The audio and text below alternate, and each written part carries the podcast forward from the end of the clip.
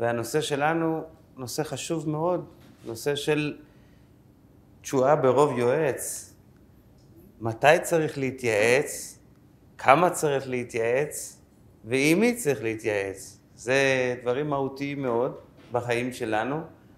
ואני אפתח בסיפור ידוע, מפורסם, על אותו יהודי שבלילה חלם שיש לו אוצר שמחכה לו בגשר של פראג. הוא נסע נסיעה ארוכה וכשהגיע לשם התברר לו שהגשר כולו מוקף חיילים וקשה מאוד לחדור פנימה ובכל אופן כשהוא הגיע באמצע הלילה וניסה לחפש משהו לחפור, תופס אותו איזשהו חייל, אומר לו, מה אתה עושה פה? הוא רצה לעצור אותו, אז הוא כבר חשף בפניו ואמר לו, תשמע, חלמתי חלום, שיש לי כאן איזשהו אוצר שמחכה לי. אז החייל פורץ בצחוק ואומר לו, נו, גם אני חלמתי חלום, שבבית של היהודי שקוראים לו כך וכך, הוא אמר את אותו שם של היהודי שנסע עד הגשר של פראג, בבית של היהודי הזה, מתחת לתנור שלו, יש אוצר גדול בשבילי. אז מה אתה חושב, שאני אלך לנסוע עכשיו לאותו בית של יהודי ולנסות לחדור פנימה ולהשיג לעצמי את האוצר? אה. היהודי שומע את זה ואומר, הנה האוצר שלי. הייתי צריך לנסוע לגשר של פראג, להיתפס על ידי אותו חייל, והחייל הזה יגרום לי לפחד, ואני אחשוף בפניו בשביל מה הגעתי, והוא יספר לי שבעצם האוצר נמצא תחת התנור אצלי בבית. הסיפור הזה, אין יותר טוב מהסיפור הזה, כדי להעביר את המסר איפה נמצאים הרבה מאוד פעמים העצות הטובות בשבילנו. הרבה מאוד פעמים העצות הטובות בשבילנו לא נמצאות אצלנו, אלא נמצאות אצל מישהו אחר. מישהו אחר, שזה טמון אצלו, בתוכו, והוא, אה, אנחנו שואלים, ובהשגחה פרטית הוא אומר, והיה אצלו דבר, הייתי אומר, איזושהי אבדה שהיא לא שייכת לו, היא שייכת לנו, אבל היא הייתה אצלו. ובאיזשהו שלב היא עברה ממנו והגיעה אלינו. והשאלה הגדולה הנשאלת, מדוע דברים טובים שמיועדים לנו, האוצר שלנו, נמצא אצל מישהו שעל הגשר של פראג. כאילו, למה זה נמצא אצל מישהו אחר? במילים אחרות, גם בסיפור, מדוע הקדוש ברוך הוא לא הפיל את החלום לאותו יהודי, שתדע לך שמתחת לתנור אצלך בבית יש אוצר. לא יותר פשוט. הוא צריך לנסוע עד פראג ולשמוע את זה מאיזשהו חייל גוי, ואז הוא מגיע חזרה הביתה ומגלה שהאוצר נמצא אצלו. בסדר. אז אני לא אתייחס עכשיו לנקודה איפה האוצר, שהוא אצלי והוא אצלי קרוב, הוא אצלי תחת התנור, לא על הנקודה הזאת אני מתייחס. אני אומר בכלל, מדוע הידיעה הזאת עברה אליו באמצעות מישהו אחר, או למה היא לא עברה אליו ישירות אליו? או בסגנון של השיעור שלנו, מדוע אנחנו בכלל צריכים להתייעץ? למה להתייעץ? הקדוש ברוך הוא רוצה להעביר לנו מסר, אנחנו כאן. בואו נקשיב למסר שהוא רוצה להעביר לנו. הוא רוצה להעביר את זה באמצעות חלום, נשמח לשמוע את זה בחלום, אבל למה זה צריך לעבור דרך מישהו אחר? אז בתורה יש לזה שני הסברים שהם אחד. ההסבר הראשון זה שהבן אדם צריך לדעת באיזשהו מקום, אתה לא הכל. רוצים להעביר לך מסר, אתה לא הכל.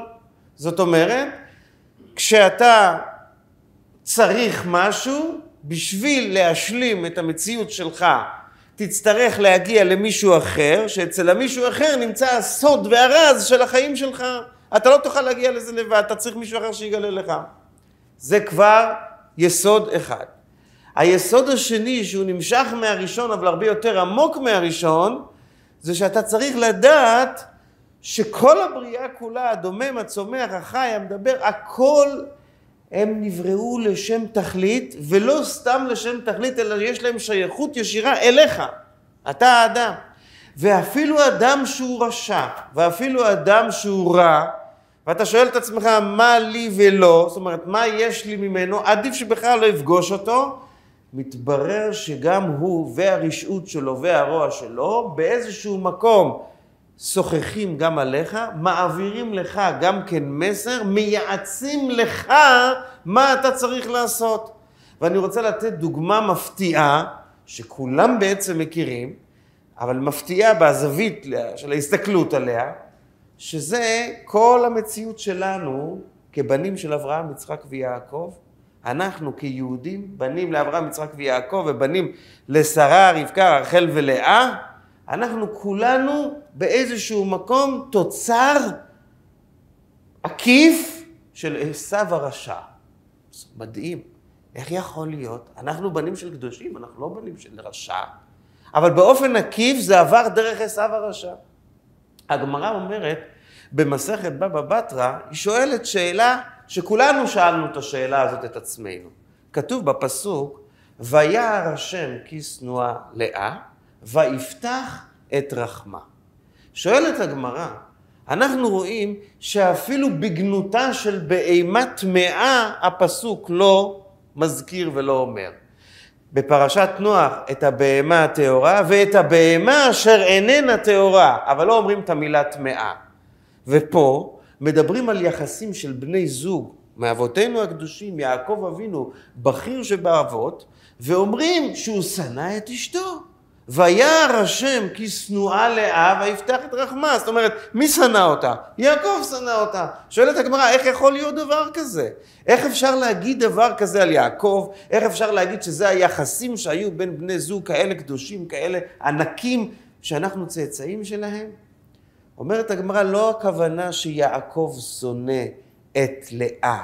וירא השם כי שנואה לאה הוא ראה שלאה שונאת מאוד את עשיו. כידוע שהבריות אמרו שני בנים ליצחק ושני בנים לבתואל והם הם, הם, התחתן איתו. איך יכול להיות דבר כזה? איך, איך יכול להיות מצב כזה שאני, אומרת לאה, אתחתן עם רשע כזה כמו עשיו? ראה הקדוש ברוך הוא שלאה כל כך שונא את עשיו, ויפתח את רחמו. במילים אחרות, כל השבטים הללו, שזה כולל שבט יהודה וזה כולל משיח צדקנו, כולם באו כתוצאה מזה שלאה מאוד שנאה את עשיו, והקדוש ברוך הוא רצה שיעקב יאהב אותה, אז לכן ויפתח את רחמה, לכן הוא פתח, אז נתן לה ילדים. אוקיי. ולאה נכנסת לבית של יעקב, כמו שאומרים, כמו גבירה, והכל הולך, הכל בסדר. יעקב רצה אותה, יעקב לקח אותה בשמחה, אפילו שבנישואים השניים, זאת אומרת אחרי לאה, והקדוש ברוך הוא את זה לא מוצא חן בעיניו, הוא מחכה לתפילות שלה, הוא מרגיש שהיא חשה שהכל יש לה, אז הקדוש ברוך הוא גורם שלה לא יהיו ילדים, והיא מתחילה לפחד שמא יעקב יגרש אותה, ואם הוא יגרש אותה אז מי יישא אותה? עשיו, ועשו הרשע גם כן חשב על זה כמו שמביא רש"י, ואז נמצא שהיא התפללה חזק להשם שייתן לה ילדים, רחל, בגלל שהיא פחדה שהיא תיפול בידיים של עשו. אז למה לאה נפתח רחמה? מפני שהיא שונאת את עשו. למה התפילה של רחל התקבלה ונולדו יוסף ובנימין? מפני שהיא פחדה שהיא תיפול לעשו. הרי לנו שאנחנו עשרת השבטים, 12 השבטים, כולנו באופן עקיף כתוצאה מעשו. לא באופן ישיר, לא באים לתת לו על זה קרדיט, אבל אנחנו באיזשהו מקום, בגללו. באה התורה ללמד אותנו, תדע לך סוד, כל דבר בבריאה יש לו תפקיד, ויש לו תפקיד ביחס אליך. אפילו אחד כזה שהוא כזה רשע שלא היית מדמיין שזה עובר כלפיך, גם ביחס אליו יש לך איזושהי שייכות. ומה זה נוגע אלינו? בשביל זה יצר הקדוש ברוך הוא, שאנחנו לא מגלים את הסוד האישי שלנו באופן ישיר הרבה פעמים, ואנחנו זקוקים לקחת עצה, כמו שאומר הכתוב, ותשועה ברוב יועץ. הרבה פעמים אנחנו צריכים לבקש ממישהו שיעזור לנו, כדי להחדיר לנו את הנקודה היסודית הזאתי. אתה לא הכל, וגם כאלה שאתה הכי לא היית מצפה שהם יהיו לטובתך ושהם יעבירו לך את המסר החיובי, הם אלה שיביאו לך את המסר. גם עשיו יכול להיות שליח באופן עקיף כדי להעביר לאדם את המסר הנכון והמסר הטוב. הנקודה של התשועה ברוב יועץ, בגדול, מה שדיברנו עד עכשיו, זה להביא את האדם לידי ענווה. יש ענווה כללית ויש ענווה פרטית. הענווה הכללית, שתדע שאתה לא הכל. הענווה הפרטית זה שתהיה מסוגל להודות בטעויות. זה חשוב מאוד. בתוך העולם של הקדוש ברוך הוא, יש שכר ויש עונש. זה אחד מי"ג עיקרי האמונה. הקדוש ברוך הוא אף פעם לא מעניש את האדם כי הוא רוצה להעניש אותו, הוא מעניש את האדם מפני שהאדם לא הבין שהוא צריך להשתנות. מפני שהאדם לא הודה בטעות שלו. במילים פשוטות, אם אנחנו היינו מצליחים להיות חכמים שתי דקות קודם, ואנחנו היינו מזהים את הטעות שלנו, ואנחנו גם היינו מודים בטעות, עודנו כמו שאומרים, מרימים ידיים, מניפים דגל לבן, אז הקדוש ברוך הוא היה מסיר את כל האיסורים, מסיר את כל העונשים, משום שהעונש הוא לא היה מטרה לכשעצמו, העונש הוא בסך הכל היה דבר בשביל שאנחנו נגיע לנקודה של מה אנחנו ומי אנחנו, ומה אנחנו צריכים לתקן. אם את זה אנחנו קיבלנו, אם את זה אנחנו קלטנו, אז הכל בסדר. אז הקדוש ברוך הוא מעביר אותנו הלאה, ואני רוצה לתת לזה כמה דוגמאות, למה שזה מאוד משמעותי. למה אנחנו צריכים לקחת עצות מאנשים אחרים כדי שאנחנו נדע איפה אנחנו, נכיר את מהותנו, נהיה בתנועה של ענווה, בתנועה של ביטול, ונהיה בתנועה כזאת שאנחנו מסוגלים להודות בטעות. בשביל זה אנחנו צריכים שתהיה לנו יכולת עוד להודות למישהו אחר. תודה רבה לך, קיבלתי ממך משהו, הנמכת ראש. אני לא ידעתי את זה לבד, אני הייתי צריך להגיע למישהו אחר כדי לקבל את זה, וברגע שהיסוד הזה נכנס בתוך האדם, אז כל השערים של האדם פתוחים. אחד מגדולי החסידות, היה מקובל גדול, קראו אותו רבי צבי הירש מזידיצ'וב. הוא כותב דבר מדהים ביחס לאדם הראשון. אדם הראשון, כשהקדוש ברוך הוא שואל אותו, אמין העץ אשר אמרתי לך לא תאכל אכלת? מה עונה האדם הראשון? האישה אשר נתת עמדי, היא נתנה לי ואוכל. הוא אומר, שכאן הייתה הטעות, כאן היה החטא של אדם הראשון. אנחנו רגילים תמיד לחשוב שהחטא של אדם הראשון זה היה כשהוא אכל מעץ הדעת, בניגוד לרצון של הקדוש ברוך הוא. הוא מפרש שהחטא של אדם הראשון היה זה שאם כשהקדוש ברוך הוא שאל אותו, אמין העץ אשר אמרתי לך לא תאכל, אכלת? אם הוא היה מרים ידיים ואומר, כן, סליחה, הקדוש ברוך הוא, אכלתי. מיד בו ברגע, הקדוש ברוך הוא היה מוחל לו על הכל, משאיר אותו בגן עדן, ואנחנו היינו נשארים ביחד איתו עד עצם היום הזה. הסיבה שאנחנו נזרקנו מגן עדן, הסיבה שנתקצרו ימי האדם למאה עשרים שנה, הסיבה לזה הייתה אך ורק, ככה הוא מסביר, אך ורק מפני שהאדם הראשון לא ידע להגיד טעתי, טעיתי והתחיל לזרוק את ההאשמות לאחרים. אנחנו כולנו, גם גברים, גם נשים, יש לנו את התנועת נפש הזאת, מחפשים אשמים. אבל, אמר הקדוש ברוך הוא, אתה מחפש אשמים, אין לי מה לדבר איתך. אין על מה מדובר. אני רוצה אנשים שיודעים להרכין ראש, יודעים להגיד, טעיתי, אם אתה אחד כזה, אני יכול להמשיך לעבוד איתך אצלי בגן. אתה יכול לעבוד אצלי בגן, אני יכול להסתדר איתך, מאה אחוז, הכל בסדר. אבל אם אתה לא יודע להודות בטעויות, מי יודע מה יהיה איתך מחר, מחרתיים? זה אסון. זה יכול להיות סכנת נפשות, אי אפשר לתת לך בידיים, להפקיד בידיים שלך שום דבר. מחר אתה תעשה שטויות ותחפש לי אשמים אחרים, מאיפה אנחנו... לא נוכל להתקדם ביחד. אם אנחנו רוצים לעבוד ביחד, אתה חייב להיות אחד כזה שמודה בטעויות. זה היה בסיס ראשוני. לכן, כאשר בן אדם אין לו את היסוד הזה, אנחנו יצאנו מגן עדן, אנחנו צריכים הרבה להתייעץ. אנחנו צריכים הרבה להתייעץ כדי להחדיר לעצמנו את התודעה הזאתי. אנחנו לא מושלמים, אנחנו יכולים לטעות, אנחנו צריכים לקבל גם כן מאחרים, אנחנו צריכים לדעת להודות בטעות שאנחנו עשינו. זה היה בסיס שהקדוש ברוך הוא נתן לנו. כאשר האדם מפנים את זה, הנה ניקח דוגמה חיובית, הדוגמה השלילית הייתה מהאדם הראשון, ניקח דוגמה חיובית, היה לנו את יהושע שהכניס את עם ישראל לארץ ישראל, ויהושע אחרי הניצחון הראשון שהיה לו ביריחו, אז הגיעו לניצחון, לחוסר ניצחון בעי. פעם ראשונה, פעם שנייה, פעם שלישית, וזה לא הולך. אז הוא מנסה להבין למה, שואל את הקדוש ברוך הוא, אומר לו, מה, אתה חושב שאני אגלה לך למה אני לשון הרע? אני אגלה לך מה קורה? תחפש. עשה מה שעשה, בסוף גילה שהיה בן אדם שמעל בחרם של העיר יריחו, זה היה אחן. תפסו אותו, אומרים לו, עכשיו אתה צריך להיענש בכדי להציל את העם מהמגפה הזאת שהתחילה, מהנפילות האלה שהיה להם במלחמות. לפני שהחאן מקבל את האונס שלו, אומר יהושע לאחן, אתה צריך להגיד, תודה בחטא שלך, תודה. ואז החאן הרכין ראש ואמר תפילה שאנחנו אומרים אותה שלוש פעמים ביום, ועל כן נקווה לך, ועל כן נקווה, זה ראשי תיבות החאן. כאן הוא אמר תודה, אמר הקדוש ברוך הוא, אתה ידעת, נכון, אילצו אותך, אבל בסוף, אחרי שאילצו אותך, אתה הודית מעצמך, הודית בטעות מעצמך, אני לוקח את המילים האלה שאתה אמרת, אפילו תוך כדי אילוץ, ואני עושה מהם תפילה כזאת שכולנו נצטרך לומר אותה בסיום כל תפילה ותפילה, משום שזה הבסיס. הבסיס זה שבן אדם טועה, זה נורמטיבי, אבל אני מסוגל גם להודות בטעות שלי, אני מסוגל לצאת ממנה, אני מסוגל להרכין ראש, וזה בסיס כדי שהאדם יצליח בחיים שלו. היה לנו חנה פנינה, זו הדוגמה השלישית שרציתי להביא. חנה בהתחלה אין לה ילדים, אחר כך לפנינה הצרה שלה יש, אחר כך זה הופך להיות הפוך. לחנה נולדים ילדים, וכל ילד שנולד לחנה, לפנינה... סיפור מאוד מצער, והטרגדיה הזאת כה נוגעת ללב.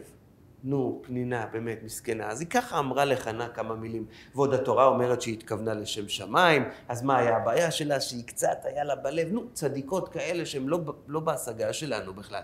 אבל היא מקבלת כזה עונש, מה זה לשקל ילדים? זה איום ונורא. איך זה? ועוד ילד, ועוד ילד, ועוד ילד. המפרשים אומרים, נו, נו, נו, נו, אז מה, אז מה? קורה עוד אסון, ועוד אסון, ועוד אסון. טעות אחת הייתה, רק אחת.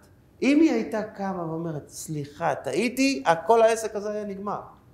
כל הבעיה היה זה חוסר הודעה בטעות. האגו של האדם הרבה פעמים כל כך, לא, אני עומד על המילה שלי, לא, זה ככה, לא, זה ככה. אבל כל יסוד הבריאה נוצר מהרס הבריאה, מאדם הראשון. עד ימינו אלה, זה שהאדם כשטעה יהיה מסוגל להודות בטעות. אז זה דבר שהוא כל כך יסודי, דבר שהוא כל כך מהותי, וממנו אנחנו מתגלגלים לדבר הרבה יותר חיובי, לדעת להגיד תודה לקדוש ברוך הוא. ברגע שהאדם יודע להודות בטעות, אז הוא גם כן מודה שהוא קיבל ממישהו משהו. יש אנשים שאחרי שהלך להם, הסתדר להם, משייכים את זה לעצמם. זה לא הקדוש ברוך הוא. לדעת להודות ולהודות בזמן, להודות מוקדם.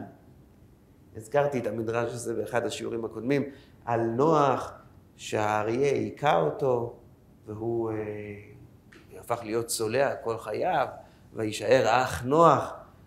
אה, אז היה הסבר אחר, אבל שבעים פנים לתורה, למה דווקא האריה היכה אותו?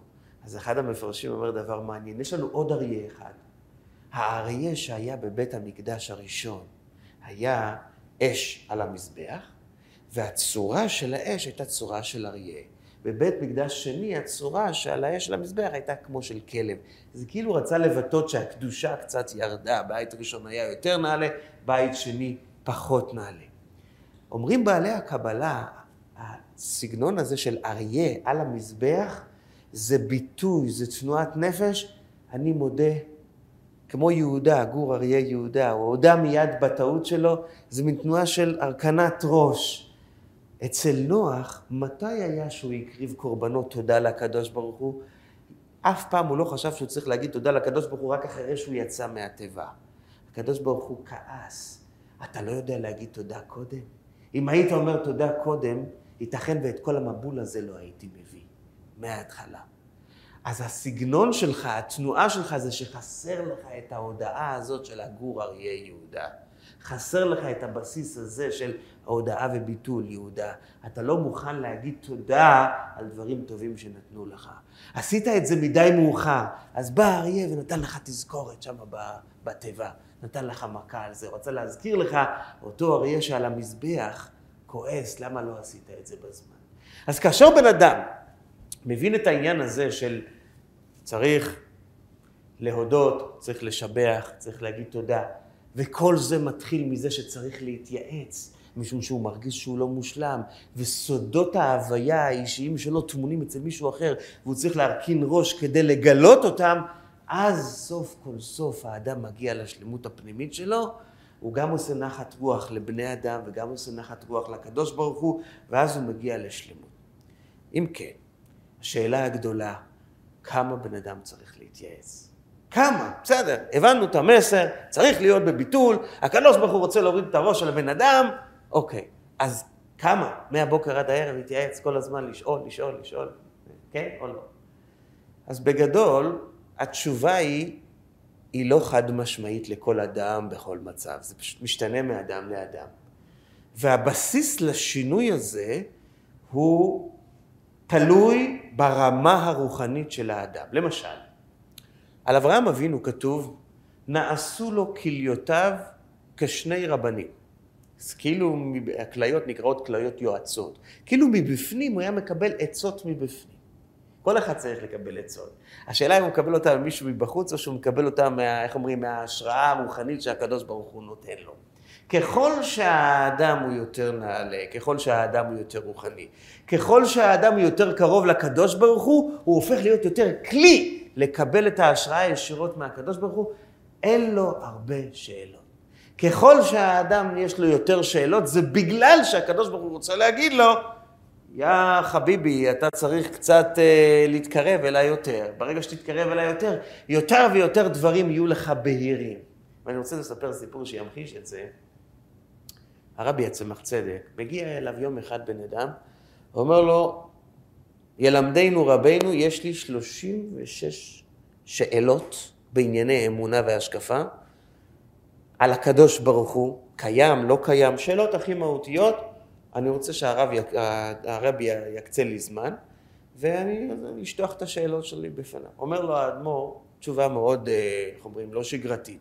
תראה, 36 שאלות בענייני אמונה, מסתמה שזה נורא נורא אה, קשה ומסובך, ואני צריך להתכונן כמה שבועות, ואני לא יכול לעשות את זה מיד, אז לכן תן לי שישה שבועות, אבל בתנאי שבמשך השישה שבועות האלה אתה מקיים תורה ומצוות כרגיל, אה, בלי תשובות, ואחרי שישה שבועות תבוא אליי ואני אענה לך. אז אה, הוא הלך, הוא הסכים, הוא קיים, המשיך להניח תפילין, לשמור שבת. יש לו שאלות, הוא רוצה לפרוק את הדת, הוא אוחז במקום הזה. אבל הצמח צדק ככה אמר לו והוא הלך. הוא חזר אחרי שישה שבועות, הוא אמר, רבי, יש לי שאלות, אבל זה כבר לא 36, 36 שאלות, יש לי רק 30 שאלות. אז אומר לו הצמח צדק, מסתמה, השאלות שעכשיו נשארו זה השאלות הכי מרוכזות, זה השאלות הכי קשות, ירדו לך שישה, פחות רציניות. השלושים שנשארו קשות, אז אני מבקש שתיתן לי עוד שישה שבועות שאני אוכל להתכונן. בסדר? אחרי שישה שבועות הוא אמר שנשארו לו רק שישה שאלות. שש שאלות. אז, אז הצמח צדק אמר לו, נו, שאלות כאלה, מסתם זה התמצית של התמצית, ואין זמן, תלך לעוד שש. בקיצור, אחרי תהליך של כמה שיש, סדרות של שש שבועות, שישה שבועות, הבן אדם אה, אמר שנסתיימו לו השאלות לחלוטין. ואז הסביר הצמח צדק שכל השאלות שמגיעות לאדם, כל התמיהות, כל הספקות שיש לנו בראש, כמו שכתוב בקבלה, השאלה מגיעה מסיטרא דרע, השאלה מגיעה מעולם של הקליפות, של הסיטרא אחא, של החוסר בהירות, שאנחנו לא רואים את הדברים ברור, וזה בעצם יוצר לנו שאלות וספקות ודילמות וכיוצא בזה. ככל שהאדם מזכך את עצמו יותר, עובד על עצמו יותר מבחינת התורה, מבחינת המצוות, ועבודה פנימית בינו ובין עצמו, ביטול, ביטול האגו וכיוצא בזה, אז השאלות הולכות ונמסות, מכיוון שהשאלה זה, זה, זה סתרה דירה. אותו דבר הספקות שקיימות אצל האדם בכלל. ככל שהאדם קרוב יותר לאלוקים, הוא קרוב יותר, אז הספקות יהיו אצלו פחות. ככל שהוא פחות, אז הספקות יהיו אצלו יותר. ואנחנו יכולים לראות איזו דוגמה מעניינת. עוד הפעם מאדם הראשון. אדם הראשון חטא בחטא עץ הדת, וישנו מדרש פליאה שאומר מדוע האדם הראשון חטא בחטא עץ הדת. אז המדרש אומר ככה, מפני מה חטא האדם הראשון? מפני שראה שתיים ולא ראה שלוש. ראה שתיים ולא ראה שלוש. וכולם שואלים, מה זה ראה שתיים ולא ראה שלוש? יש לזה הרבה מאוד תירוצים. תלמידי הבעל שם טוב, יש להם על זה גם כן תירוץ. הוא ראה שתיים ולא ראה שלוש, מדובר על המשנה במסכת אבות שכולנו מכירות. דע מאין באת, ולאן אתה הולך, ולפני מי אתה עתיד ליתן דין וחשבון.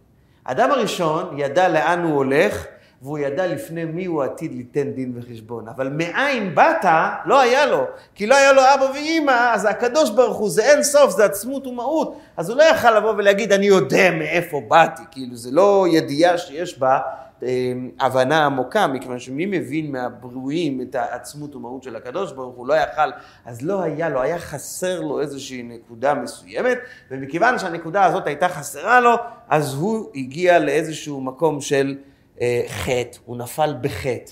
זאת אומרת, שכל פעם שלאדם יש את התובנות הנכונות ויש את הביטול הנכון, אז זה בעצם שומר עליו, יש לו קרבה מיוחדת לקדוש ברוך הוא, הקרבה הזאת שומרת עליו שהוא לא יתבלבל באמצע הדרך ושלא יהיה לו ספקות. כל חטא עץ הדעת בעצם הבסיס שלו נוצר מזה שהאדם לא היה מחובר מספיק לתורה, לא באשמתו, אבל לא היה לו את המאין באת שכתוב בתורה.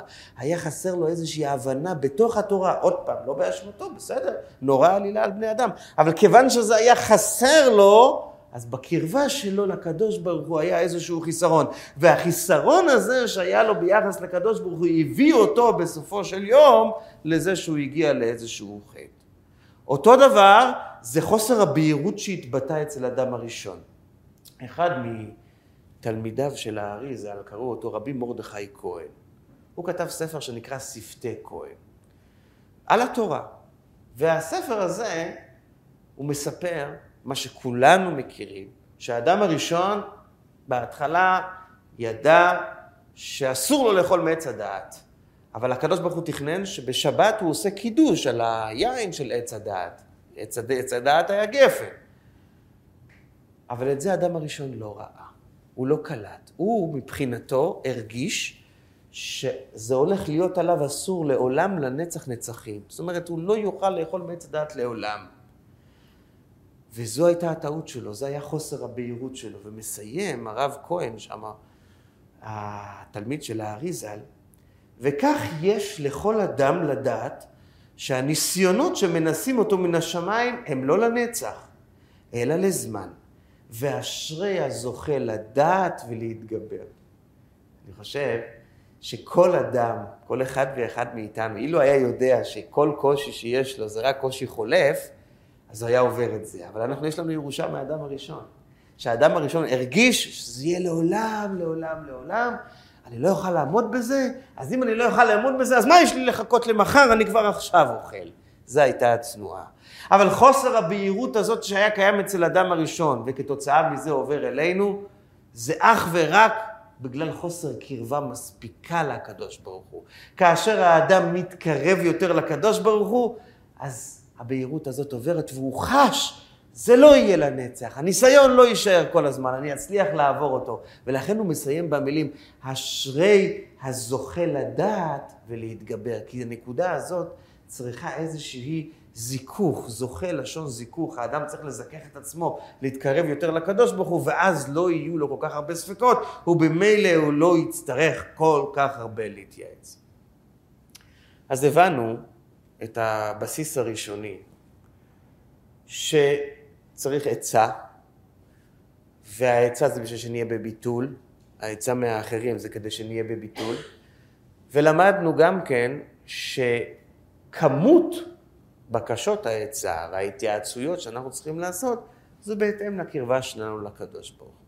ככל שאנחנו בוטחים בו יותר, מאמינים בו יותר, מקיימים את תורתו ואת מצוותיו יותר, אנחנו צריכים פחות.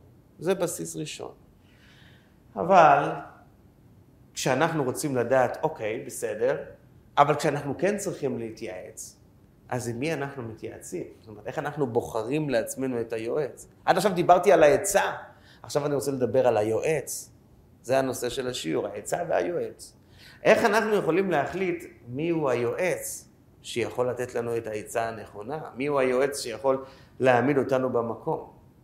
אז אני רוצה לדבר על כמה נקודות, כל נקודה עומדת בפני עצמה באישיות של היועץ. היסוד הראשון זה שהיועץ צריך להיות אדם מתון ולא אימפולסיבי. צריך להיות אישיות כזאתי שהיא לא מגיבה באופן מיידי, לא רק בעניינים שלא נוגעים לו, אלא גם בעניינים שנוגעים לאישי, לעצמו מאוד מאוד, משום שהמתינות והסבלנות והלחכות עוד רגע, זה האבא של כל הצלחה. אז אם הוא עצמו, היועץ הזה, הוא עצמו לא מתון, אז אין שום סיכוי שהוא יוכל להביא אותנו לאיזושהי הצלחה. ואני רוצה לתת לזה דוגמה יפהפייה ממגילת אסתר. יש לנו את מרדכי היהודי, והפסוק אומר עליו שהוא היה בן יאיר, בן שמעי, בן קיש, איש ימיני. מי זה השמעי הזה? המפרשים אומרים שזה שמעי בן גירה. היה איזה בן אדם חצוף, שכשדוד המלך ברח מאבשלום, הוא זרק עליו אבנים וקילל אותו קללות נמרצות בצורה מבישה ביותר, שלא מתאימה אפילו לאדם הפחות שבעם ישראל. קל וחומר לא למלך, וקל וחומר בן בנו של קל וחומר לא למלך גדול כמו דוד המלך, שהיה אהוב ואוהב את העם. אבל הוא עשה את זה, שמעי בן גירה עשה את זה. ולכאורה דוד המלך היה צריך להרוג אותו מפני שהוא היה מורד במלכות, ויש דעות שונות מדוע הוא לא עשה לו שום דבר, אבל אחד הפירושים על מגילת אסתר, התרגום על מגילת אסתר אומר, שזה מאוד פשוט. דוד המלך ראה שהולך לצאת ממנו מרדכי היהודי שיציל את עם ישראל בימי פורים. אז הוא אמר, מה אני אהרוג אותו? מי יעזור להם אחר כך במגילת אסתר? אני לא נוגע בו. הוא חיכה, חיכה, חיכה עד שהוא התבגר והוא כבר לא יכול להביא ילדים, ואז כשהוא הגיע לגיל המבוגר, הוא ציווה את שלמה, עכשיו תגמור אותו. למה? כבר אין צורך.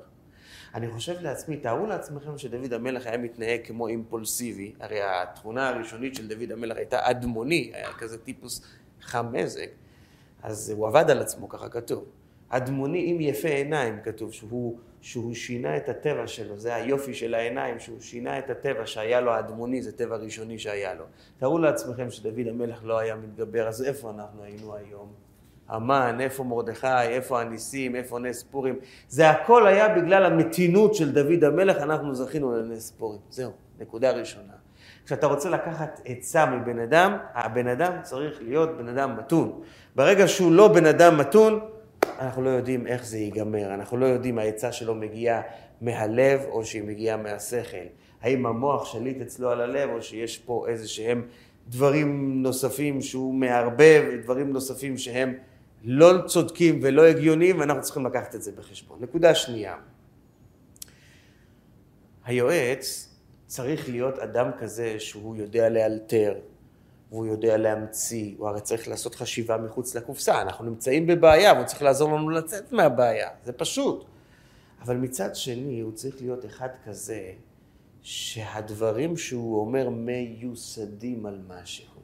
יש הרבה מאוד אנשים שיש להם מלא תיאוריות בראש, רעיונות, המצאות, אבל כשזה בא לשטח, בלשון של הרבי המעשה הוא העיקר, כשזה מגיע לשטח, זה לא עובד מה שהם אומרים, זה לא... יש בה, בהלכה מושג שנקרא תורה שיש לה בית אב. זאת אומרת, זה צריך להיות דבר, בסיס, דבר שיש לו גם כן אחיזה במציאות. לא מספיק שהבן אדם אמר רעיון יפה, תיאוריה יפה, זה צריך להיות שזה גם עם הרגליים על הקרקע. זה משהו נורא נורא בסיסי בכל עצה שעובדת נכון, משום שיש הרבה עצות שלא עובדות נכון, יש הרבה עצות שלא מתממשות, לא באות...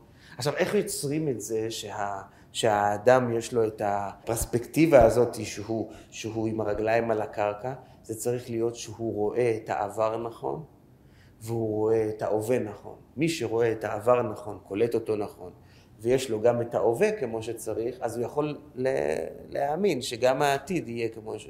העתיד שהוא הולך לחזות, הולך לתת עליו איזושהי אה, משקפה, זה גם כן יהיה נכון, זה גם יתפוס. אז מה זה הבסיס? הבסיס זה העבר. צריך להסתכל על העבר מאוד מאוד חזק, לקלוט אותו מאוד נכון, להוציא את התובנות מהעבר בצורה מאוד מאוד נכונה, ואז הוא יכול להתקדם. עכשיו, כשזה לא ככה, זה לא עובד. איך אומרים? זה נשרף באמצע הדרך, הפיוז נשרף באמצע הדרך. היה לאהרון הכהן, היו אה, בנים נדב ואביהו, והם הקריבו אש זרה, ונשרפה נשמתם, ככה כתוב. אז המדרש אומר שהילדים שה, האלה, כל הזמן, מה הם היו אומרים?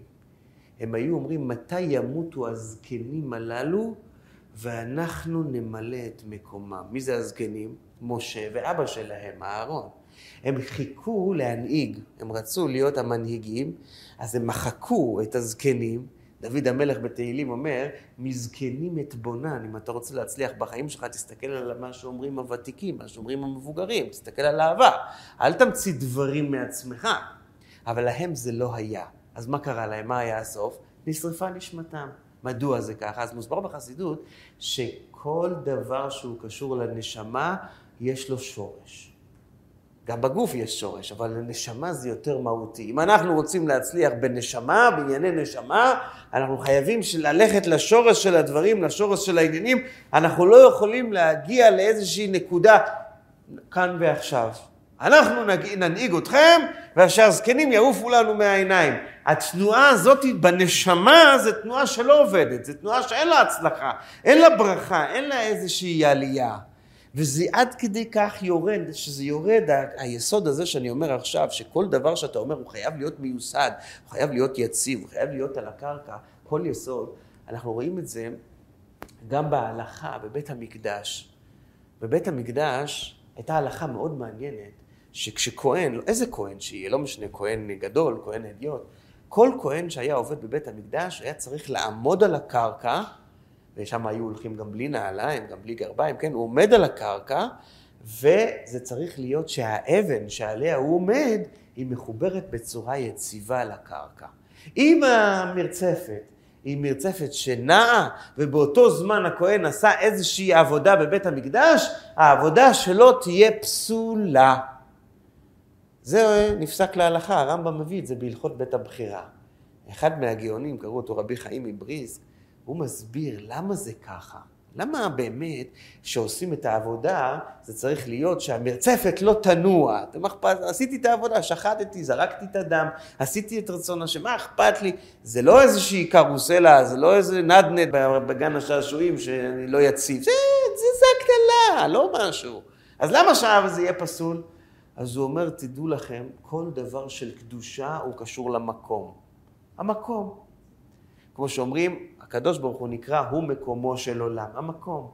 בית המקדש נקרא המקום אשר יבחר השם, המקום. כל ההשראה של הבניין היפה הזה של בית המקדש, כל הקדושה הזאת של בית המקדש, מאיפה היא יונקת? היא יונקת מהאדמה, מהמקום. אז אם אתה מחובר, ככה אומר רב חיים מבריסק, אם בית המקדש מחובר לחלוטין במאה אחוז, אז הקדושה עברה, ואז העבודה שלך היא עבודת השם. אבל אם המרצפת לא עמדה על המקום בצורה יציבה, אז את ההשראה של הקדושה מהמקום אתה לא קיבלת, אז אתה לא יכול להתקדם הלאה, העבודה שלך היא לא עבודה. וזה מסר בשבילנו לא רק בבית המקדש, אלא בכל דבר שאתה עומד. אם אתה עומד יציב, על קרקע יציבה, על דבר אמיתי, על דבר שיש לו ידיים ויש לו רגליים ויש לו עבר ויש לו בסיס איתן, אז אתה יכול להיות בטוח שאתה מכאן צועד הלאה ואתה מצליח במה שאתה עושה.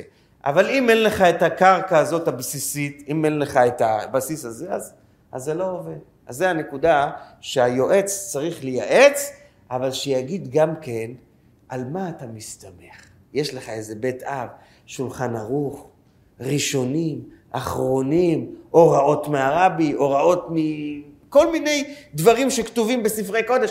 על מה אתה מתבסס? זה צריך שיהיה לו איזשהו בית יד. בלי הבית יד הזה, אז איך אומרים, המצאות יש הרבה, ריחופים יש הרבה, וגם כאלה שנופלים מהריחופים יש הרבה. אני תמיד אוהב להביא את הדוגמה הזאת. במדינת ישראל, לא מדבר על שנת קורונה, אבל במצבים רגילים, נפתחים כל שנה חנויות חדשות, בסוף שנה 90 אחוז מהן נסגרות. אנשים השקיעו 100 אלף שקל, 200 אלף שקל, 300 אלף שקל ויותר כדי להתחיל עסק חדש. 90 אחוז מהם טעו, טעו בשיקול הדעת שלהם. חשבו שזה ילך, שזה המקום, שזה התפיסה. תראו עד כמה זה עדין ועד כמה זה צריך להיות עם מחשבה מתחילה, שאתה עושה משהו שזה יהיה עם איזשהו בסיס. לא, זה ילך, אנחנו ננסה, בואו ננסה, מה? ננסה כן, אבל צריך לך איזה שהם תעודות, דוקומנטים, יש איזשהו בסיס שאיתו אתה יכול להתקדם ואתה יודע שזה ילך. התנאי הנוסף שצריך להיות יועץ זה ההסתכלות הרחבה שלו, ראייה רחבה. פרספקטיבה שקוראים לזה. זאת אומרת, הוא רואה את הדברים לא במבט צר, נכון להרגע, נכון לעכשיו, אלא במבט עמוק יותר, במבט רחב. מדוע? משום שכל אדם, כשהוא נתקל בחיים שלו באיזשהו קיר, באיזשהו קושי, כל אדם שנתקע באיזשהו קיר, בא לו להגיד, אחורה פנה, קדימה צעד, אני יורד מהסיפור, זה לא הולך לשום מקום, אין להם מה לעשות. מי, זו אדם, מי זה אדם גדול? מי זה אדם עם מהות אמיתית, עם מהות, אה, מהות בשלה, מהות, מה שקוראים מחוספס? מי בן אדם שבאמת יש לו את ההשראה הנכונה? מי הוא? זה אחד כזה שלא מתלהב, לא מתרגש ולא מתקפל כשהוא רואה איזשהו קושי באמצע הדרך. ואני רוצה לתת לזה גם כן דוגמה מהתנ"ך. אה, היה חזקיה המלך, היה מלך צדיק, והוא אה, עמד בפני ניסיון קשה שסנחריב, מלך אשור, רוצה, הוא מגיע עם צבא אדיר להילחם על ירושלים. וחזקיה המלך שולח את השרים שלו לדבר, ואז מגיע יהודי מומר בשם רב, רב שקה, שהוא שליח נציג של סנחריב. ואתה רואה שהוא יהודי, אתה רואה בדו-שיח התנ"כי שהוא מדבר, אתה קולט את זה שהוא יהודי. למה? משום שהוא נוגע בנקודות יהודיות, הוא מנסה להוריד את המוטיבציה לעם שיושב על החומה, ואיך הוא עושה את זה? באמצעות, הוא אומר להם, תראו, אם הקדוש ברוך הוא לא היה רוצה שסנחריב ינצח אתכם, מדוע הוא נתן לו לנצח כל כך הרבה עמים וכל כך הרבה אומות? ואם הקדוש ברוך הוא היה רוצה שחזקיה הוא זה שיהיה הגדול, היה עושה את חזקיה למלך העולם. מדוע הוא עשה את סנחריב למלך העולם? סימן שהקדוש ברוך הוא רוצה שסנחריב ישלוט. אז מדוע חזקיה מורד בו? מדוע חזקיה לא ממשיך לשלם לו את המיסים שהיה משלם לו עד עכשיו? המשפט הזה, הדיאלוג הזה, גרם להורדה חזקה מאוד של מוטיבציה של העם. כי הוא דיבר אליהם בהוכחות יהודיות. אם הקדוש ברוך הוא רוצה, אם הקדוש ברוך הוא לא רוצה, הנה אתם רואים מה הכיוון של הקדוש ברוך הוא, וכיוצא בזה, והוא הוריד להם את המוטיבציה. אפשר לומר שכולם, חוץ מחזקיה בעצמו, איבדו עשתונות. אבל חזקיה עשה חשבון אחר לגמרי. הקדוש ברוך הוא מעמיד לפני האדם הרבה פעמים ניסיון, וזה לא אומר שאם עכשיו אני רואה איזשהו קושי אני צריך לסגת, אני ממשיך הלאה. היה לו את האמונה והביטחון והכוח הסלעי שצריך לנפש בשביל לעמוד בפני כזה צבא, היה לו את זה לחזקיה, והוא הצליח. זאת אומרת, הקדוש ברוך הוא הרג את כל ה... שלח מלאך ושלח, הרג את כל ה... את כל החיילים של סנחריב, חוץ מסנחריב בעצמו עם כמה חיילים בודדים שברח חזרה למדינה שלו. אם אנחנו היינו אה, עומדים שם, איפה אנחנו היינו עומדים? באיזה, באיזה תפיסה? יועץ זה אחד כזה שכשהוא עומד בפני איזשהו קושי, הוא לא מיד בתנועה של התקפלות. ברגע שאתה הולך ליועץ שמיד אומר לך, תתקפל, לא. אותנו מלמדת התורה שלפעמים הרשע לפעמים הרשע מצליח משום משגיל הגויים ויעבדם, משום שהקדוש ברוך הוא רוצה, כמו שאומרים, לרומם אותו, כמו שמרימים כד חרס ותנופה, לשבור אותו על הרצפה, נפץ אותו. לפעמים הקדוש ברוך הוא מגביה משהו או מישהו, לא בגלל שהוא רוצה שהרשע ינצח. והאדם עם פרספקטיבה רחבה יודע לראות את זה. הוא בעצמו, בחיים האישיים שלו, רואה את הדברים באופן כזה. אחד הדברים המעניינים כאישיות, הרמב"ם, כבן אדם, כבן אדם פרטי, הוא אדם שסבל הרבה בחיים שלו, גם מבחינה כלכלית, גם מבחינה נפשית, גם, משפ... גם מבחינה משפחתית. הרבה הרבה מהחיים שלו היה זמן של סבל, של בריחות. הרבה זמן מהחיים שלו הוא היה במצב שלא היה לו זמן לאכול, לישון. הוא, הוא כותב בכתבים שלו את סדר היום שלו, ואתה, ואתה ואתה מסתכל, אתה רואה בן אדם מסכן. מבוקר עד ערב הוא מתעסק בכל מיני דברים שאנחנו לא היינו רוצים לחשוב עליהם אפילו. ואף על פי כן הרמב"ם כותב במורה נבוכים איך בן אדם צריך להסתכל על העולם, איך הוא צריך להסתכל על הבריאה. הוא צריך לראות את העולם כמו גן, כמו פרדס. שואל הרבי באחת השיחות שלו, הרמב"ם, כשאתה קורא איזה סבל הוא סבל, אז הוא זה שאומר לי, מלמד אותי שאני צריך להסתכל על העולם כמו גן?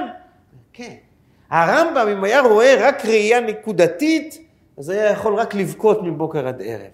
אבל מכיוון שהוא ראה את החיים, הוא ראה את העולם בראייה מרחבית, ובצורה מרחבית הוא ראה את היופי גם כן. ולכן לענייננו, כשאנחנו רוצים לקחת יועץ, אנחנו רוצים לקחת עצה ממישהו, זה לא יכול להיות אף פעם בן אדם שרואה נקודתית, משום שאם הוא רואה נקודתית, בטוח שהוא יכניס אותנו לפסימיות. בטוח שהוא יכניס אותנו לאיזשהו אה, דיכאון. הוא לא ייתן לנו יותר מדי סיכוי. רק בן אדם מרח... עם מרחב אופקים יכול לתת לך סיכוי. עכשיו, האישיות הפנימית של, ה... של היועץ צריכה להיות אישיות של אדם בטל.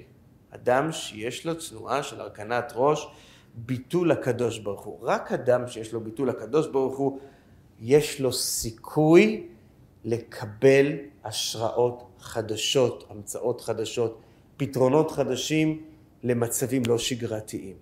והמגיד ממזריץ' אומר את זה בפירוש המשנה על שבעה דברים בחכם ושבעה דברים בגולם. אז איך אומרת המשנה, שבעה דברים בגולם? היא אומרת, אלו הם הדברים בחכם וחילופיהם בגולם. המגיד לקח את המשפט הזה וחילופיהם בגולם, והוא אומר רעיון מדהים. הוא אומר חילופיהם בגולם, תדע לך שכל חילופים בבריאה, כל השתנויות בבריאה, כל שינויים שיקרו בבריאה, זה כשאתה היית במצב של גולם. גולם, מצב פשוט, מצב ביטול, מצב של כלום, מצב של חוסר, אני חושב, אני הבנתי, אני כזה. אז יהיה מצב של חילופיהם. תמיד כשהאדם יודע להיות במצב של הרכנת ראש, הוא הופך להיות כלי לאיזושהי הערה חדשה של הקדוש ברוך הוא. אבל כשהאדם רוצה לבוא ולהגיד, יש לי מה להגיד, אני חושב, הוא מנסה להחדיר, לשכנע את אלוקים שישמע לעצה שלו, אז ההפסד כולו שלו, ולפעמים זה כל אלה שנמצאים סביבו גם כן. ניקח לדוגמה את ירובעם בן נבט, שהקדוש ברוך הוא אומר לו, בוא נלך אני ואתה ובן ישעי, ואז הוא שואל מי בראש. ואנחנו על המילה הזאת, מי בראש, על המשפט הזה המחוכם, על המי בראש, יצאנו לגלות. קודם כל הופרדו הממלכות, ממלכת יהודה, ממלכת ישראל, ועל המשפט הזה מלכות ישראל יצאה לגלות, שאפשר לומר שעד היום היא לא חזרה. עד עצם היום הזה, רק משיח צדקנו יחזיר את עשר, עשרת השבטים שגלו. למה? משום שהיועץ באותו זמן היה בתנועה של מי בראש. הוא לא היה בתנועה של ביטול, הוא לא היה בתנועה של הרכנת ראש. וגם העניין הזה בא לביטוי הלכתי בעבודת בית המקדש. התנועה הזאת שצריך להיות הרכנת ראש, ושכל מה שקשור לאלוקות, כל מה שקשור לקדושה, חייב להיות בתנועה של הרכנת ראש, בא לידי ביטוי בבית המקדש בהלכה. בהלכה של בית המקדש כתוב, זה פסוק בתורה, בסוף פרשת יתרו, אבל גם בהלכה זה בא, שאת אבני המזבח לא תבנה את הן גזית. לא בונים את אבני המזבח, אבנים גזית לשון גזוזות, אבנים חתוכות, לא אבנים חתוכות. אלא מה? איזה אבנים? אה, לוקחים אבנים, לוקחים אדמה, מזבח אדמה תעשה לי, זה אפשרות אחת, או שלוקחים אבנים, אבל יורדים עמוק עמוק באדמה למקום כזה שהאבנים לא נגע בהם ברזל, רק האבנים האלה יהיו אבנים שמתאימות למזבח. הרמב"ם במורה נבוכים שואל למה גזר עלינו הקדוש ברוך הוא לבנות את המזבח של עבודת השם שלו דווקא מחול, אדמה, או מאבנים לא גזוזות. אומר הרמב"ם כי אצל עובדי העבודה זרה, אצלהם שהם היו עושים מזבח, הם היו עושים אותו דווקא מאבנים גזוזות. רצה הקדוש ברוך הוא להרחיק אותנו מהם, אז איך הוא מרחיק אותנו מהם? על ידי זה שאנחנו את המזבח שלנו דווקא לא מאבנים גזוזות. באה תורת החסידות ואומרת, תשמעו דבר נפלא. מה זה אבנים גזוזות? אני אישרתי אותם, אני האדם. אין מרובע במעשה בראשית, אומר תלמוד ירושלמי. כשהקדוש ברוך הוא עשה דברים, הוא לא עשה אותם מרובעים ומעוקצעים. בני האדם עשו דברים מעוקצעים. הקדוש ברוך הוא דבר אחד עשה מעוקצע, שזה לוחות הברית, וזה מיד נשבר. זה לא יחזיק מעמד. כל דבר בבריאה, אם זה העצים והעלים והקוסמוס כולו, כל הבריאה כולה היא בתנועה של עיגול. מה שברא הקדוש ברוך הוא בטבעיות זה עיגול. האדם הוא כולו מעוגל, סוף האצבעות מעוגל, הכל מעוגל. רק אנחנו עושים זוויות. אנחנו בני האדם. כשאנחנו מדברים על המזבח של הקדוש ברוך הוא, על עבודת השם, אומר לנו הקדוש ברוך הוא, תיקחו חול טבעי, שלי, שאף אחד לא יצר אותו. תיקחו אבנים שיד אדם לא נגעה בהם, תיקחו בחינות כאלה שהן נקיות לחלוטין, שהאני שלכם, הדעה שלכם, הגאווה, הישות, לא קיימות שם. זו עבודת השם, זה מזבח. אז אתה יכול להיות בטוח שזה נקי, עולה למעלה, כמו האש שהייתה עולה למעלה למזבח, הייתה עולה ישר, לא פונה, לא ימין, לא שמאל. גם האדם, הקדוש ברוך הוא, את משכני, את המשכן, הוא נתן בלבבו של האדם. כשאתה מחפש בן אדם שיהיה לך יועץ, ייתן לך עצה טובה והגונה, הוא צריך להיות בן אדם שהוא כמו מזבח להשם. הוא צריך להיות בן אדם כזה שלא הזוויות שלו, לא הגזיזה שלו, היא זו ששולטת על מה שהוא יגיד. הוא, מה שמעניין אותו זה מה רצון השם. התפיסה הזאת היא זו שעומדת לו מול העיניים, ורק אדם כזה אתם יכולים לסמוך שהוא באמת ייתן את העצה הנכונה והעצה הטובה, ויהיה בה גם כן סייעתא דשמיא במה שהוא אומר. ונקודה אחרונה, שאי אפשר בלעדיה, זה אחד כזה שהוא נטול פניות אישיות. אחד כזה שהאגו שלו לא מתערב. הרבה מאוד אנשים, אתם רואים שלפעמים הם הולכים רחוק, רחוק, לכל מיני אנשים שאין להם שום שייכות, לנ... לא נוגעים בבעיה בשום צורה. מדוע? אנחנו רוצים שזה יהיה נקי, אנחנו רוצים שהתשובה תהיה נקייה ללא שום פניות. ורואים בשטח שככל שהאדם הוא קרוב יותר, קרוב יותר לבעיה, קרוב יותר לזירת העניין, אז העצה שלו היא לא עצה נקייה. הוא מערבב בתוך העצה שלו גם כן את עצמו, את האגו שלו. וברגע שהוא מערבב את האגו שלו, אז לעולם, לעולם העצה שלו לא תהיה טובה. ואני אסיים, היה אחד מהקונגרס האמריקאי שהגיע אל הרבי ליחידות, קראו אותו לואיס לפקוביץ'. הוא היה אחראי על המשטרה במקום איפה שהוא היה.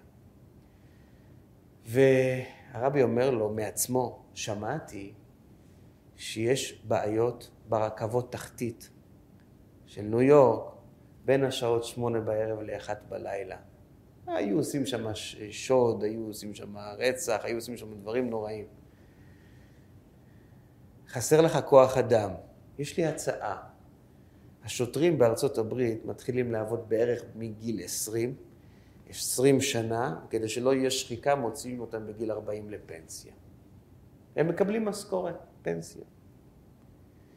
יש להם כבר רישיון לאקדח, יש להם כבר מדים, יש להם כבר את כל הניסיון ששוטר צריך כדי לשמור, יש להם את הביטוח הרפואי שצריך בשביל אחד כזה. אומר לו הרבי, למה לא תיקחו את השוטרים שהם בדימוס, השוטרים לשעבר, ותשלמו להם לפי שעות על השמירה? ועשיתי חשבון, אומר לו הרבי, שזה יצא לכם זול, זה יצא לכם 40 אלף דולר לשנה לשוטר, שזה היה הרבה יותר זול ממה שעלה להם עד עכשיו, הם הגיעו ל-200 אלף ויותר. אז הלואיס הזה אומר לרבי, זה באמת רעיון שלא חשבתי עליו, זה רעיון מאוד מאוד מאוד אה, מוצלח. אבל אגודת השוטרים לעולם לא תסכים עם הרעיון הזה. הם צריכים את התקציב, הם רוצים לקבל תקציב ליצור שוטרים חדשים, שהתקציב לזה הוא הרבה יותר גדול, ואז הם יכולים להכניס לכיסים גם כן, ולסדר כל... הם לא ייתנו לזה אף פעם את, ה... את ההסכמה. מה, אתה רוצה לחסוך בעלויות, אבל uh, פה לא רוצים לחסוך, פה רוצים לדעת איך להוציא יותר. אז הרבי חייך ואמר לו, אבל אם תרצו מאוד, תצליחו להתגבר גם על זה. אני חושב שזו דוגמה יפה לכל איך ההתנהלות של העולם בכלל. יש בעולם את האנשים שקרובים לצלחת, והם מנסים, כמו שאומרים, לאכול מה שיש סביב.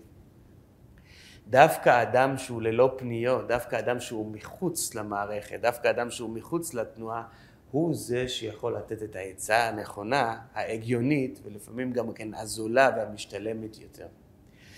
ולכן, כשאנחנו בוחרים את האדם, את אותו יועץ שאנחנו רוצים, אנחנו לא יכולים לקחת אותו מתוך המערכת, אנחנו צריכים לקחת אותו מחוץ למערכת כדי שאנחנו נדע שהעצה שלו היא תהיה נקייה.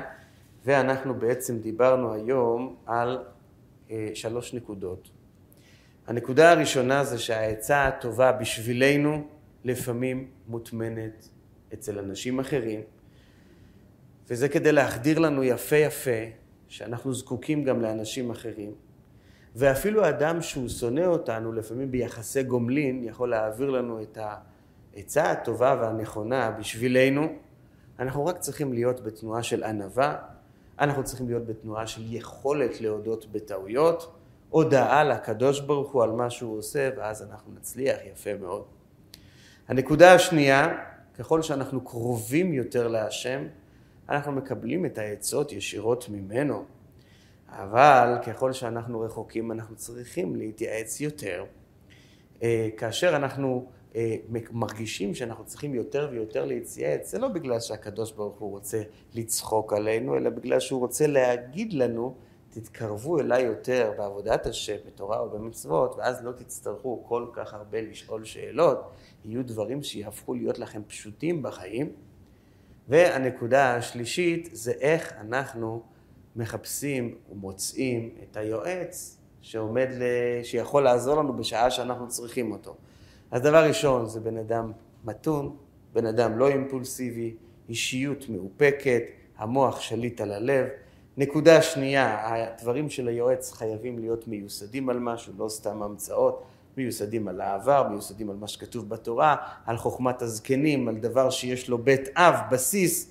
נקודה שלישית, היועץ חייב לראות את הדברים בצורה מרחבית, כי אם הוא יראה אותם בצורה צרה, הוא יכול הרבה פעמים לתת מסקנה מעוותת ולא נכונה. העכשיו לא תמיד קובע, אלא פרספקטיבה רחבה יותר. והנקודה האחרונה, היועץ צריך להיות אדם בטל, אדם שיש לו השראה להמציא דברים, פתרונות טובים, אבל הוא לא מחפש להיות ראשון. העניין נוגע לו, לא הכבוד האישי שלו. הוא מחפש את הנקודה האלוקית שקיימת בכל עניין, וזה דרבן אותו לעשות, לייעץ, לשכנע. אה, לא האגו שלו נוגע ולא הפניות האישיות שלו נוגעות, ואז אנחנו מרוויחים, איך אומרים על העם היהודי, גור אריה יהודה, אנחנו רובנו שבט אה, יהודה בעם ישראל, גור אריה, הגור יש לו כוח מיוחד של תעוזה, מכיוון שהוא קטן, אז אין לו שכל, אז הוא מזנק קדימה. והאריה, תעוזה אין לו, אבל כוח יש לו. אז האריה יש לו בעיה, האריה הגדול, שהוא הולך מדי לאט. זאת אומרת, הוא שקול ויותר מדי חושב, ושוקל עוד הפעם, ושוקל עוד הפעם. והגור יש לו בעיה, זה שהוא לא שוקל הרבה, הוא רץ קדימה, אבל הבעיה שלו זה שלפעמים אה, הוא קופץ לבריכה כשאין שם מים, אז זה לא, לא יצא מוצלח. אנחנו נקראים גור אריה יהודה. כשאנחנו משלבים בתוכנו את שתי הבחינות.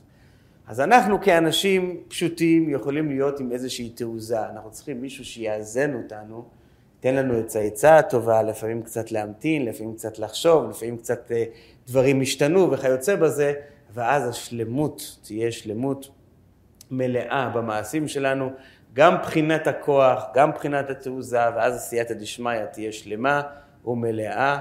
ושהקדוש ברוך הוא יעזור לנו, שישלח לנו בקרוב את הגור אריה יהודה הגדול, שזה משיח בן דוד, והוא יגאל אותנו, ייתן גם את ההשראות הרוחניות וגם את ההשראות הגשמיות בקרוב ממש.